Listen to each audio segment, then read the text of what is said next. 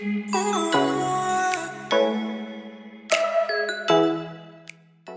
semuanya, welcome to our podcast. Nah, saya Karma Heni dari Bisnis Digital Unpad 2020. Dan aku, Syafira Mariza dari Bisnis Digital Unpad 2020. Nah, jurusan kita sama nih ya. Iya, tapi walaupun kayak gitu, kita hari ini nggak bakal bahas sesuatu yang berhubungan dengan e-commerce dan startup ya, Mel? Wah, kan kita masih semester 1 nih ceritanya tuh. Bukan Jadi ceritanya kita yang masih semester 1 ya. Jadi iya. kayaknya belum ini nih, belum bisa nih bahas yang kayak gitu-gitu. Iya, jadi hari ini kita mau bahas apa ini? Kita mau bahas tentang tujuan. Cie, kayak serius banget ya. Bagaimana kita mencapai tujuan tersebut dan up and down-nya nih. Kan kita udah ini nih udah sekarang udah jadi mahasiswa nih. Kalau buat adik-adik yang masih di SMA pasti ngelihatnya yang kayak wah anak Unpad gitu. Tapi gimana sih caranya kita bisa sampai masuk di Unpad kayak gitu-gitu. Ya nggak sih Mel? Betul betul. Ya sebenarnya ya mungkin orang mikirnya enak banget ya lihat-lihat dari sosial media. Oh anak Unpad, anak Unpad. Tapi kan sebenarnya di balik itu semua tidak segampang itu ya toh ya. Betul. Ada juga uh, up and downs kita buat masuk ke Unpad dan ngecap apa mencapai goals kita yang lain. Nah, sebelum kita bicara terlalu jauh nih mengenai bagaimana kita bisa masuk ke salah satu bisa dibilang kampus terfavorit ya di Indonesia ya. Mm -hmm. Nah, kita akan bicara dulu nih mengenai bagaimana kita dulunya dalam proses uh, pencapaian edukasi kita di sekolah yang lama, baik itu SMP maupun SMA nih. Karena kan kalau misalnya bertumbuh itu kan kita lihatnya dari yang paling kecil dulu nih, baru nanti membesar membesar. Nah, sekarang kami akan membahas terlebih dahulu bagaimana sih dulu uh, kami cara belajarnya dan lain-lain. Gimana tuh Tel? Uh, Karmel dulu kali ya, boleh? Boleh banget nih. Jadi dulu kalau misalnya ngomongin masih kecil ya ini ya dari SD, sebenarnya dulu tuh aku tuh uh, pin anak pindahan bisa dibilang anak pindahan. Jadi mm-hmm. di sekolah hmm. lama aku itu bisa dibilang Englishnya itu uh, bukan pas-pasan namun kayak masih basic gitu. Tapi pas mm-hmm. aku pindah ke sekolah yang baru itu Inggrisnya tuh kayak udah beda banget, udah di atas, udah kayak advance gitu. Nah, di situ tuh aku ngerasa kayak benar-benar adanya ketimpangan antara uh, pemahaman aku dengan teman-teman di sekolah yang baru. Nah, pas saat itu juga ada yang namanya program seperti kita harus speak English gitu, dan itu uh, pakai PIN.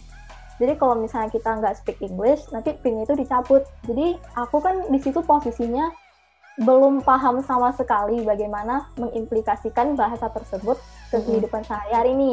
Mm-hmm. Jadi aku masih kayak ah yes yes no no kayak gitu. Nah dari itu aku kayak terpaksa push my limits gitu untuk keluar dari zona nyaman dan uh, mencoba untuk berbicara lebih lagi. Nah dari situlah pertama kali aku mencoba untuk push my limit. Kalau misalnya Pito sendiri, uh, pengalaman pertama apa sih yang kayak benar-benar ter teringat sampai sekarang gitu? Uh, kalau aku sebenarnya buat yang kayak apa pin-pinan kayak gitu, aku pernah juga.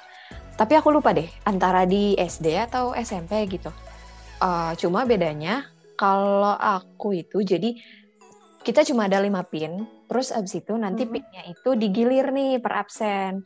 Kayak misalnya hmm. untuk hari ini absen 1 sampai 5, besok 6 sampai 10 kayak gitu. Hmm. Uh, apa namanya? Tapi mungkin gak se-efektif di sekolah Karmel sih.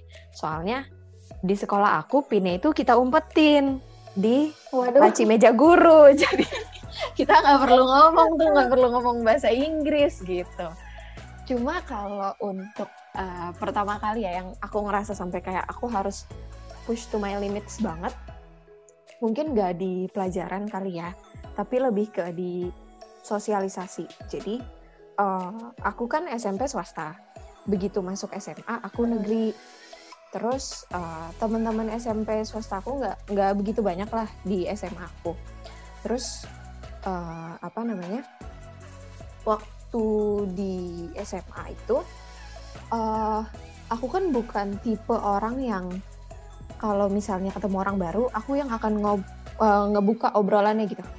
Aku tuh lebih ke yang kayak kalau diajak ngobrol ya nyaut, kalau enggak ya udah gitu.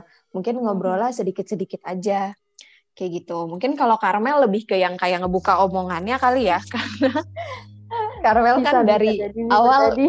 ini ya apa namanya kayak talkative banget gitu dari awal Terima kita ketemu. nah di situ uh, kalau pas masih kelas 10 masih biasa aja mungkin karena pas kelas 10 aku satu tahun kelasnya nggak ganti tapi begitu kelas hmm. 11 per tiga bulan kelas aku tuh ganti ganti orang oh. gitu ganti temen terus kenapa Jadi, itu uh, kita ada namanya sistem rolling jadi sistem rolling ini bergantung sama akumulasi nilai kita uh, begitu ujian gitu jadi kan uh, pas tiga bulan, tiga bulan pertama nih kita dapat kelas tetap. Terus setelah tiga bulan kita UTS kan. Nah, akumulasi nilai hmm. UTS kita itu nanti yang menentukan kelas baru kita akan ada di mana. Jadi kayak kelas dari yang paling pinter gitulah, kasarnya kayak gitu. Waduh, ketat ya. Ya, kayak gitu-gitu bikin cukup deg-degan ya, karena selain kita ngelihat kita di kelas berapanya, kita juga ngelihat siapa nih temen kita kayak gitu. Nah, betul banget tuh. Terus ya udah akhirnya dari situ kan mau nggak mau aku harus ngebawa diri aku untuk cepat beradaptasi sama lingkungan baru. Terus ya udah dari situ akhirnya aku push to my limits lah untuk gimana caranya nih biar aku setiap kali rolling kelas itu ya aku bisa dapat teman baru apa namanya dan bisa dapat suasana yang nyaman sesegera mungkin kayak gitu. Tentunya nggak gampang ya bun. Iya nggak gampang, nggak gampang banget. Oke oke. Jadi sebenarnya uh, waktu kita kalau misalnya dibilang baik itu akademik maupun non akademik kayak itu pasti ada tantangannya sendiri-sendiri lah ya. Mm-mm, benar banget. Jadi pasti ada aja satu titik di mana kita merasa jenuh Betul. Kalau aku apa ya? Uh, istilahnya sekarang yang terkenal ini Mel, demot atau demotivated gitu. Karmel tahu nggak? Hmm, apa tuh? Apa tuh? Jadi kayak uh, kalau demotivated itu, setahu aku ya, kita tuh kayak uh, have so much things to do, tapi kita nggak punya semangat buat ngelakuin itu gitu. Lah itu sering banget tuh terjadi, apalagi pas di tengah-tengah ujian ya bener banget kayak kita apalagi pas kelas 12 gitu ya try out try out terus iya, terus kayak iya, belajar iya. aja ini relate banget nih yang kalau yang denger masih kelas 12 ya benar. Apalagi ada juga loh Mel yang kayak dari kelas 11 tuh udah ngambis-ngambis gitu. Karena kepengen undangan biasanya. Hmm, biasanya itu bagus sih sebenarnya. Kan tandanya hmm. kita udah prepare gitu. Tapi ya memang gimana ya bilangnya kalau SNMPTN itu kayak kita nggak nggak boleh terlalu berharap kalau misalnya aku bilang ya menurut aku ya. Karena juga kita tuh yang dilihat tuh bukan cuma nilai tapi kepada alumni itu sekolahnya juga benar benar jadi susah juga nih mau prediksi kira-kira lulus apa enggak aku juga kemarin itu nggak nggak berharap apa-apa sih sebenarnya oh Karmel kemarin SNMPTN Aku ambil dua jalur, SNMPTN sama SBMPTN. Oh, tapi lulus di misalnya, SBM ya? Iya, yang di SNM belum rezeki. Kalau misal Pito gimana nih? Kalau aku kemarin lebih kacau lagi kayaknya deh. Jadi kenapa aku, tuh? Aku ambil SNMPTN, terus abis itu aku coba kan UI kalau pertama dia buka jalur yang paralel tuh, yang PPKB sama oh. talent scouting. Nah, itu aku ambil PPKB. Terus aku ambil SBMPTN sama aku ambil beberapa mandiri juga dan itu lumayan banyak nembaknya. Rajin ya, Bun. Sebenarnya dibilang rajin gak juga sih, karena kan tahun ini uh, kita banyakkan yang pakai nilai UTBK sama rapor kayak hmm, gitu-gitu kan. Betul betul. Jadi kayak di mana ada peluang kita ambil aja lah, siapa tahu masuk gitu kan. Hmm, ya betul betul betul. Mana tahu uh, kita pengennya di sini, tapi ternyata pas daftar mandiri yang lain, kita masuknya ke yang lain yang mana tahu juga nggak kalah bagus dari yang kita pengen gitu kan. Bener banget, dan itu kejadian di aku. Tapi kalau misalnya mau dibilang uh, SBMPTN juga ya meskipun bisa dibilang lulus jalur SBMPTN itu juga cuma bukan karena akunya yang pintar banget atau gimana itu juga bisa dari Tuhan aku juga nggak duga gitu kan bisa masuk karena mm -hmm. pas habis SBMPTN itu kan kayak aku ada bahas-bahas gitu sama teman aku. So aku kayak merasa loh kok kayaknya aku banyak nggak pandai. Terus merasa kayak kok kayaknya banyak soal yang aku miss gitu konsepnya dan lain-lain. Jadi kayak tapi emang ini sih ya uh, apa? Sorry aku potong. Uh, eh, SBMPTN tuh kayak apa ya soal-soal yang diprediksi keluar tuh nggak ada kayaknya yang keluar. Nah, betul banget tuh. Ini kita udah siap-siapin lah kan. Bisa dibilang yeah. kita persiapannya berapa bulan. Karena kemarin juga kan diundur ya kan, tiga bulan. Mm, benar-benar. April jadi Juli.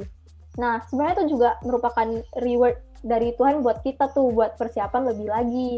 Mm-hmm. Tapi ternyata entah gimana sistem atau ceritanya ini banyak banget nih yang ngeluh katanya beda banget sama yang di TO-TO online Betul, apalagi Gimana? di tahun kita ada ini ya, apa bahasa panda tuh baru banget. Nah, itu pas aku lihat soalnya tuh, aduh langsung puyeng itu. Oke, nggak pernah lihat, terus liatnya pas lagi lagi tegang lah bisa dibilang tegang itu apalagi kan kita masukin protokol kesehatan mesti pakai masker pakai sarung tangan jadi ya bisa dibilang itu kurang nyaman banget gak sih kayak kita benar, sambil benar, benar. terus udah panik tegang terus kita pakai masker terus mau nulis pun ada sarung tangan. Jadi mm. susah banget gitu buat pikir. Benar benar benar benar. Uh, kan kamu ini nih Mel lulus SBMPTN nih. Cara iya. kamu belajar gimana sih? Hmm kalau misalnya mau dibilang itu itu tuh penuh warna banget. Jadi bisa Waduh, dibilang kayak pelangi tuh kayaknya semua orang deh kayak gini. Di mana iya ketika kita sebenarnya tujuannya tuh besar banget nih. Kayak ini tuh kayak ekspektasinya awalnya aku mikirnya terlalu tinggi nih mau daftar unpad sok banget lah kan. Kayak udahlah nggak kayak nggak bakal masuk juga. Itu udah pesimis di awal bukan pesimis sih kayak realistis aja. Soalnya aku lihat uh, daya tampungnya kecil banget apalagi di jurusan kita ya daya tampungnya berapa tuh kemarin? Benar-benar karena kita masih jurusan baru kan jadi nah, daya tampungnya juga ya udah ya segitu. Terus aku lihat yang daftarnya yang tahun lalu uh, bukannya sedikit ya kan? Terus makin makin aduh bukan bilangnya bukan pesimis sih makin takut aja. Yeah. pas belajar itu kan itu tiga bulan. Sebenarnya kita bisa milih. Kita sebagai orang pasti punya uh, choice lah kan. Di sini yeah. kita bisa pilih yang pertama senang di awal apa menyesal di akhir apa sekarang menderita dulu nantinya kita merasa puas gitu kan. Iya benar. Nah aku takutnya pas lagi tiga bulan itu aku belajar full tapi hasilnya ujung-ujungnya tuh kayak gak dapat terus kayak zong. Jadi kayak buat apa kita belajar selama tiga bulan? Nah itu pasti pasti pernah terlintas di setiap pikiran orang yang mau ikut SBMPTN ya nggak? Benar-benar aku juga mikirnya gitu sih yang kayak uh, pertama-tama tuh pasti kita mikirnya yang kayak ayo belajar tiga bulan doang nggak nah, apa-apa. nanti kita nggak perlu usaha lagi buat mandiri mikirnya kayak gitu. Tapi ternyata ya namanya rencana Tuhan gak ada yang tahu ya. Itu iya, juga uh, apa namanya pasti banyak deh yang abis apa uh, mau ikut mandiri tuh mereka mikirnya gini nanti deh lihat hasil uh, eh lihat nah, abis UTBK hmm. gue bisa nggak ngerjainnya? Kalau emang gue bisa gue nggak usah daftar mandiri. Yang kayak gitu-gitu tapi sebenarnya tuh nggak terduga banget gak sih? Kayak benar kemarin aja aku merasa aku sebenarnya bukan gimana ya kayak gak optimis aja sama habis kerjain itu kan. Karena kayak gak sesuai ekspektasi karena selama ini belajarnya apa keluarnya apa. Jadi kayak agak takut juga sebenarnya. Keringat dingin lah bisa dibilang. Keluar dari gedung keringat dingin langsung kan. Bener tapi bener banget. Tapi puas gak sih rasanya? Kayak lega banget gitu habis ngerjain. Iya cuma uh, itu yang waktu itu yang tadi aku ceritain itu uh, kurang lebih aku juga kayak gitu mikirnya gitu. Jadi kayak kalau misalnya uh, abis UTBK aku ngerasa aku bisa, ya udah aku nggak perlu daftar mandiri. Tapi di situ sebenarnya tuh uh, kayak itu adalah titik kesombongan kita muncul gitu dan itu sebenarnya nggak boleh. Kesombongan tuh salah banget ya. Salah banget, sumpah salah banget. Kayak kita ngerasa kita udah hampir nyampe tujuan kita nih, tapi kita nggak tahu kalau ternyata jalannya tuh masih panjang. Tapi terkadang aku tuh sering banget tuh ketemu sama orang yang dia tuh menganggap sepele setiap hal. Dia nah, itu. Uh, pengen masuk kampus idaman, tapi effortnya tidak sebanding dan lain-lain. Jadi menurut aku tuh seharusnya kalau kita boleh optimis, tapi kita juga harus realistis. Betul Benar, benar banget, benar banget. Kayak pas kemarin juga aku udah ngerasa yang kayak, oh kayaknya kurang deh nih hasil UTBK. Ya udah, kita coba di mandiri gitu kan. Waktu itu aku pernah, aku lagi sedih, maksudnya kan kita banyak ya Mel, kalau misalnya uh, yang udah masuk ini, udah masuk univ gitu. Terus kita kan nyelamatinnya di SG nih, kita ramein SG-nya, kita mention-mention kayak gitu nggak sih? Iya betul-betul. Iya kan. Terus kalau untuk yang belum dapat univ itu tuh kadang-kadang kita sebenarnya senang untuk teman kita, cuma uh, karena kita belum dapat, jadi tuh ada perasaan yang kayak, aduh, betul banget. Gue kapan ya diginiin kayak gitu. Dan waktu itu kan untuk pengumuman SBMPTN sama Mandiri lagi deket-deketnya banget tuh. Iya iya. Cuma selang banget tuh. empat hari nggak salah aku dari SBMPTN 14, terus uh, SIMAK kalau nggak salah itu di 18. SIMAK sama UNS. Nah, itu kan pengumuman mandiri yang pertama banget tuh. Itu uh, hmm. aku belum rezekinya di situ kan waktu itu. Terus teman aku ada yang uh, PC bilang, "Tel, pokoknya dia ngasih kayak motivation words gitu panjang." Terus dia bilang, "Kalau misalnya kita nggak bisa eh kalau misalnya nggak ada jalan untuk ke Roma kita bikin jalan ke Roma kita sendiri kayak gitu Ih, bagus banget itu. dan di situ aku kayak ya ampun iya juga ya gitu loh gila gila. Itu keren banget sih itu dapat dari mana itu? Dia bikin sendiri ya? Kayaknya bikin sendiri deh soalnya teman aku keren yang ini loh. emang emang pinter dia untuk berkata-kata. Hmm gitu gitu. Oh jadi nih kan tadi kita udah sempet singgung nih kalau kita kadang lost motivation kadang terus mm -hmm. kadang merasa jenuh terus kadang merasa ragu bukan hanya dalam uh, bisa dibilang SBMPTN ya tapi juga waktu UN juga itu bingung banget itu semua UN kayak, tapi untungnya UN nggak ada ya iya itu kayak penentu hidup dan mati gak sih lulus apa enggak bener bener bener aku juga waktu UN tuh karena kayak gimana ya aku kan anak IPA nih Terus hmm. aku udah nggak peduli lagi sama pelajaran IPA semenjak kelas 12. Begitu mau UN bingung aku. Ya karena aku aku ngefokusinnya kayak ke SBMPTN gitu kan. Terus kayak hmm, begitu mau UN, hah aku ngisi apa?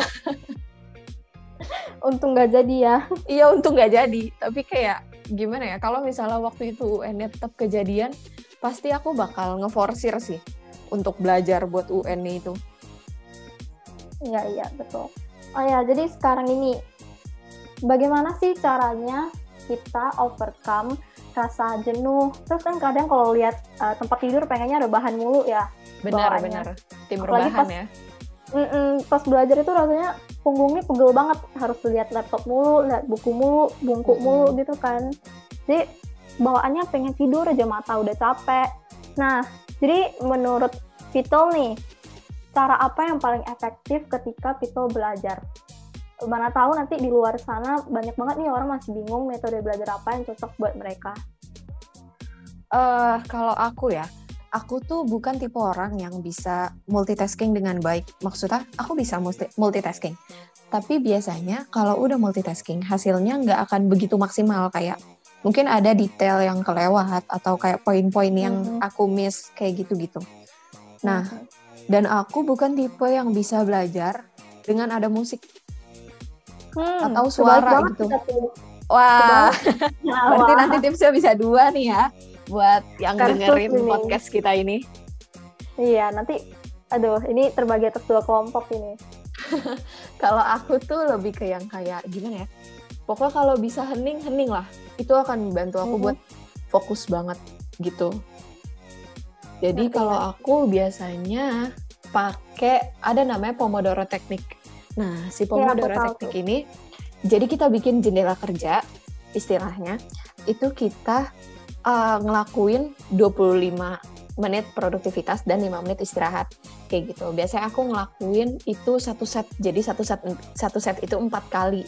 Empat kali uh, si 25 menit dan 5 menit ini kayak gitu. Sebenarnya sih uh, dibilang efektif banget ya nggak nggak sampai bikin aku jadi kayak master gitu nggak. Cuma buat aku si 25 menit dan 5 menit ini cukup lah untuk menahan aku. Kayak kan kadang-kadang kalau kita buka laptop nih ada lainnya ada WhatsAppnya. Terus kayak kalau misalnya kita udah ngelihat ada notif baru nih bawaannya pengen buka cepet-cepet gitu kan. Betul betul. Itu tuh aku biasanya kayak agak nahan gitu. Karena ngelihat si Pomodoro teknik ini misalnya timernya sisa oh 16 menit lagi ayo tel kita kerjain dulu apa yang bisa kita kerjain. Nanti begitu break 5 menit baru kita buka. Kayak gitu-gitu sih paling kalau dari aku. Hmm, seru banget ya tuh kayaknya bener-bener fokus hening dan bener-bener gak ada distraction gitu ya. Iya itu lumayan ngebantu sih buat tipe belajar aku yang kayak gini. Ini pasti banyak juga nih orang yang tipe belajarnya seperti itu ya mm-hmm. yang kalau misalnya ada di tempat ramai atau gimana agak terganggu gitu nggak mm-hmm. bisa agak susah nangkep informasinya biasanya nggak nggak lengkap gitu hmm, kalau misalnya dari aku nih ya aku tuh orang yang tipe cepat bosan bukan dalam istilah bukan dalam general ya tapi bosannya mm-hmm. tuh dalam hal belajar jadi kalau misalnya misalnya baru mulai belajar 15 menit itu langsung bosan nggak tahu kenapa kayak ngantuk kayak, gitu nggak sih Mel bukan ngantuk sih kayak lebih oh. Aduh bosan banget nih kayak dari tadi baca terus nih kayak kita cuma fokus oh, ke satu uh, uh. terus mendadak jenuh terus mendadak mikir ini belajar. Kayak mendadak rasanya itu kan kalau misal tes kan itu 8 bab ya itu gila banget sih sebenarnya. Tes kemarin ya. Iya tuh aduh experience banget lah. Jadi itu 8 bab itu baru satu bab itu udah ini masih tujuh bab lagi terus itu UTS-nya besok. Aku tipe-tipe orang yang kayak gitu tuh sehari sebelumnya doang tuh belajar. Nah habis itu soalnya kalau misalnya beberapa hari yang sebelumnya juga nggak bisa belajar karena kan kita nih dibarengin tugas banget nih pepet-pepet mm -hmm. mulu nih. Terus ada kegiatan lain ya di luar tau lah apa kan? Ya emang harus pinter-pinter ngatur waktu sih. Nah jadi dari sebenarnya bagus juga sih ikut kegiatan dari luar. Jadi setelah ikut kegiatan dari luar kita juga bisa memanage waktu kita jadi lebih optimal lagi. Padahal sebelumnya Benar. aku bukan tipe orang yang bisa sekaligus langsung selesai-selesai gitu. Tapi semenjak ikut lumayan banyak kegiatan nih, nah mulai terasa itu mulai bisa mengatur waktu dan lain-lain. Nah, kalau misalnya aku sendiri, karena tipe orang yang cepat bosan ketika belajar ya, bukan dalam hal lain, mah nggak cepat bosan kalau misalnya belajar doang. Nah, caranya itu aku barengin itu sama antara denger lagu favorit atau nggak denger mm -hmm. lagu yang aku nggak pernah denger sebelumnya. Kalau mm. misalnya denger lagu favorit kan itu udah tahu lirik tuh, jadi nanti gak fokus ke pelajaran. Jadi pengen bawanya tuh di otak tuh liriknya doang yang muncul. Pengen nah, nyanyi. Jadi, iya pengen nyanyi. Jadi kita uh, bukan kita sih aku biasanya tuh denger lagu yang kadang aku nggak nggak tahu liriknya tapi aku tahu lagunya. Mm. Nah habis itu kan aku sambil belajar. Nah, kadang kalau misal kita udah bosen gitu terus gak tahu mau denger lagu apa, biasanya aku barengin sama nonton nonton YouTube tapi fokusnya tetap ke pelajaran ya, bukan ke YouTube-nya. Ya, sekali-sekali lah lihat-lihat sekali-sekali biar gak bosan. Nah, aku gitu. Kalau misalnya pakai teknik yang Pitel, yang Pomodoro itu, aku pernah coba tuh. Itu kan banyak mm -hmm. banget ya di YouTube Pomodoro mm -hmm. teknik, study with me 30 minutes atau gimana aku pernah coba 15 menit aku udah nggak kuat jadi ya mungkin teman-teman di luar sana kalau merasa aduh aku kok nggak bisa masuk-masuk otak ya itu bukan karena kalian nggak ngerti sebenarnya tapi mm-hmm. metodenya aja mungkin berbeda Salah kan. gitu. Kayak nah, kamu belum pakai metode yang benar gitu yang cocok nah, banget buat kamu. banget tuh. Boleh coba tuh antara uh, teknik capital atau teknik aku. Mungkin beda-beda lah ya. Kalau misalnya aku di tempat ramai mm, terganggu sih tapi ya terganggunya masih masih bisa fokus gitu mungkin mm-hmm. beda-beda ya tiap orang tapi kalau misalnya aku hening banget tuh bisa ngantuk bisa tidur itu gitu. tapi sebenarnya ya Mel belajar tuh emang bikin ngantuk sih kalau kata orang-orang ya kayak kalau nggak bisa tidur baca aja buku pelajaran ntar juga ngantuk itu bukan kata orang. Itu memang semua orang seperti itu sepertinya. Sepertinya ya kita kan nggak boleh pukul rata semua orang. Mungkin ada yang senang belajar dengan belajar jadi makin fresh. Kita kan juga nggak tahu sebenarnya. Iya. Kan beda-beda lah ya.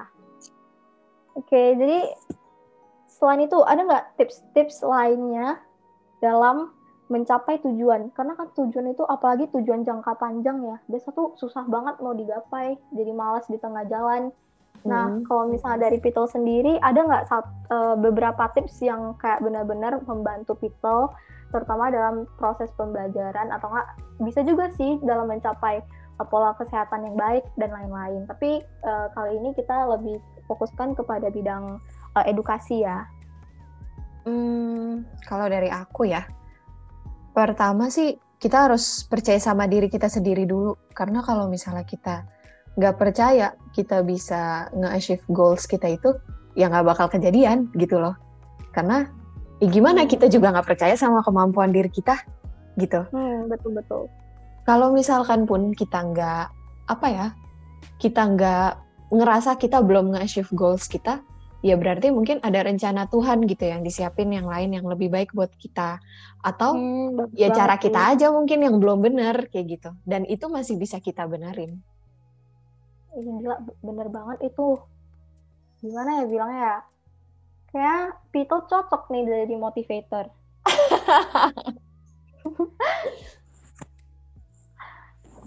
Masih ada lagi nggak ini Tel? apa ya? Coba kalau dari Carmel ada nggak? Nanti aku tambah tambahin lagi deh kalau ada. Waduh kalau dari aku nih bisa sampai besok pagi nih. Waduh.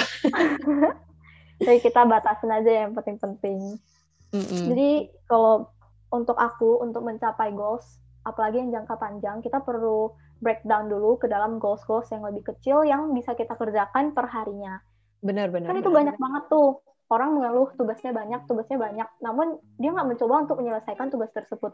Kalau mm-hmm. misalnya kalian coba tuh malam-malam, kayak kalian mikir kalian udah ngapain aja sebenarnya hari ini sebenarnya kalau misalnya bisa dihitung, kita banyak. cuma melakukan satu tugas. Sebenarnya banyak tugas tuh yang numpuk, tapi uh-uh. yang kita kerjain palingan cuma satu, dua, tapi kita mikirnya terlalu mikirnya terlalu jauh. Nah, hmm. sampai kita mikirnya uh, sampai stres gitu. Jadi menurut aku di breakdown dulu per hari mau ngapain aja. Terus ini ada satu hal yang membantu banget kita bikin to do list gitu. Oh iya, aku juga uh, sering tuh bikin kayak gitu tuh. Iya, betul. Nanti jadi setiap kita mencoret apa yang sudah kita lakukan tuh entah kenapa ada kepuasan tersendiri gak sih Tel? Benar, benar, benar. Apalagi ya, kayak akhirnya. Iya, dan dengan kita bikin to do list tuh uh, otomatis kita bikin ini juga sih, kayak time management yang baik gitu. Karena kita ngelihat, oh uh, apa namanya to-do list kita ada segini. Gimana caranya biar dalam sehari ini kita bisa nyentang semuanya, gitu nggak sih? Nah, betul banget. Terus yang susahnya itu nentuin skala prioritas sih sebenarnya. Hmm. Tapi kan uh, semenjak kuliah ini kayaknya lebih dilatih lagi ya, lebih diasah. Kalau misalnya di SMA, uh, eh, tugasnya setiap hari mungkin bisa dibilang mirip-mirip aja ya, konsisten mm -hmm. gitu, kayak dari dari apa dari gurunya atau dari mana. Kalau misalnya di kuliah ini lebih beragam nggak sih rasanya? Benar-benar, apalagi di kuliah kita dituntut buat satu bab seminggu kan. Nah, itu tuh, itu sebenarnya. itu memang sebenarnya masih ini ya, kita masih struggling juga di situ. Cuma Nah, banget. Ya, kita harus bisa. Iya, kita harus gimana ya bilangnya? Mungkin uh, Bapak Ibu dosen juga memiliki ekspektasi yang tinggi terhadap kita ya, karena Benar. mereka mikirnya kita udah orang anak kuliah nih harus bisa hmm. lah handle dan nah, kita orang-orang yang terpilih gitu ya Mel dari antara saingan-saingan kita yang banyak ini puji Tuhan puji Tuhan ya. Benar. Jadi terus juga kalau misalnya menurut aku yang kedua kita tuh jangan mikirnya uh, yang susah-susahnya terus tapi kita tetap harus yang belum tercapai tetap kita uh, uh, kita list gitu. Tapi kalau misalnya yang udah tercapai jangan lupa kita untuk bersyukur. Jadi kita nggak merasa jenuh. Jadi kita merasa oh jadi selama ini juga kita sebenarnya udah mencapai beberapa goals gitu tapi kita terlalu fokus sama yang di depan sampai lupa apa yang udah kita capai jadi menurut aku bersyukur tuh paling penting sih benar jangan lupa buat bersyukur ya. Uh, apa namanya? Kadang kita nggak sadar dalam kita eh, dalam proses kita menuju goals kita yang gede itu itu ada banyak yang bisa kita pelajarin di situ ya nggak sih? Hmm, betul banget, betul banget. Jadi sebenarnya gimana ya? Kalau misalnya kita mikir nih susah banget nih tugas kuliah dan lain-lain, kalian ingat aja kalau misalnya nggak semua orang tuh bisa kuliah. Jadi kayak bersyukurlah kita bisa kuliah sekarang ini. Apalagi di tengah pandemi gini kan susah banget tuh. Ekonomi menurun yang lain-lain juga menurun. Jadi ya banyak sih sebenarnya selain kita mengeluh, tapi sebenarnya banyak juga yang bisa kita syukuri. Benar, kayak pasti kita punya privilege yang orang lain tuh nggak punya, nggak cuma kuliah aja. Kayak misalnya nih Hmm. adik-adik kelas 12 yang lagi les, bosen kan, pengen ketemu temen pasti kayak buat les gitu. Ya, kita syukurin aja kita masih bisa les nih daripada teman-teman lain yang gak les atau kayak yang gak les pun ya bersyukur aja masih bisa belajar gitu daripada mungkin teman-teman lain yang gak punya akses sebagus kamu buat belajar kayak gitu. Betul, sebenarnya aku juga gak les sih, makanya ini kayak agak susah ya bun. Tapi keren kan bisa bisa tercapai tujuannya. Itu sebenarnya karena Tuhan kasihan aja bun, lihat udah belajar. Ingat Iya. guys, Tapi Tuhan Meskipun- pasti ngasih sih yang terbaik buat kita ya. iya betul Sama- banget sama- misalnya Eh, usaha kita gitu. kalau misalnya eh, tahun ini belum diterima nih misalnya di kampus yang kalian kita mau atau kalian mau gitu kan mungkin itu memang bukan jalan kita mungkin Tuhan suruhnya kita mungkin tahun ini kerja dulu atau Tuhan merasa Hmm. kita tuh mungkin belum sanggup untuk menghadapi kehidupan perkuliahan atau mungkin yang kita ambil itu sebenarnya bukan jalan kita Tuhan Iya. takutnya kita di tengah-tengah perjalanan itu kita eh, merasa nggak cocok terus berhenti di tengah daripada itu terjadi mendingan dari awal udah dikasih warning atau gimana jadi kita bisa lebih per- hati-hati lagi dalam mengambil keputusan gitu untuk kuliah. Jadi menurut aku nggak ada sih usaha yang sia-sia. Meskipun Benar. kita udah belajar nih misalnya setengah mati buat SBMPTN terus tahu-tahu nggak masuk. Mungkin memang itu yang terbaik. Mungkin Tuhan tuh maunya kalian tuh di kampus yang lain bukan kampus yang ini gitu. Mungkin Benar. sengaja SBMPTN-nya nggak dilolosin karena mandirinya itu lebih cocoknya itu mungkin ke UI misalnya dia SBMPTN pengen ke UNPAD tapi dia ikut mandiri UI mungkin Tuhan pengennya dia di UI dan dia lolosnya di UI yang gitu Benar-benar. Kita tuh emang harus percaya sama cerita Tuhan gitu. Sama skenario Tuhan. Karena emang dia yang bikin skenario paling baik gitu. Kita kan manusia cuma bisa berencana ya Mel. Tetap yang Betul, nentuin betul. akhir-akhirnya Tuhan gitu. Jadi jangan lupa libatin Tuhan juga dalam kita berproses menuju tujuan kita. nah betul banget jangan lupa doa guys Benar banget. karena kalau usaha doang ya itu cuma kekuatan kita kemampuan kita tapi kalau udah doa itu udah dibantu sama Tuhan Benar. oke jadi aduh jadi gimana ya Gak jadi juga ya ngobrol selama ini. podcast gimana nih aduh jadi deep banget ini jadi deep talk ya Jadi serius banget kita. Padahal aslinya kita anaknya hahaha ya Mel. iya gimana ya kan kita kalau hahaha doang nanti orang kagak ngerti nih podcast tentang apa Oke, tapi kayak itu aja ya hari ini yang bisa kita apa sampein yang bisa kita bagi di podcast kita. Udah ada rapat Seru lain nih Mel ya. menunggu kita. Iya, aduh, udah jam 9.05. Oke, jadi eh, gimana ya? Inti dari podcast kita kali ini menurut Pitol itu apa? Eh, intinya jangan ini sih, jangan nyerah, jangan secepat itu buat nyerah, buat eh, mencapai tujuan kita gitu. Kalau untuk aku, jangan lupa bersyukur dan tetap eh, stay humble di mana pun kalian berada. Mungkin kalian udah dapat itu, tapi sebenarnya di atas langit masih ada langit lagi. Kalian merasa udah hebat, ada orang jauh lebih hebat lagi. Jadi jangan merasa cepat puas. Benar, terhadap apa benar. yang kita sekarang. Oke, sekian dulu podcast dari kami. Makasih semuanya yang udah dengerin. Saya Karma Novela Heni. Dan aku Syafira Maritza. Ketemu lagi di lain kesempatan. Oke, dadah. Makasih buat yang udah. Makasih.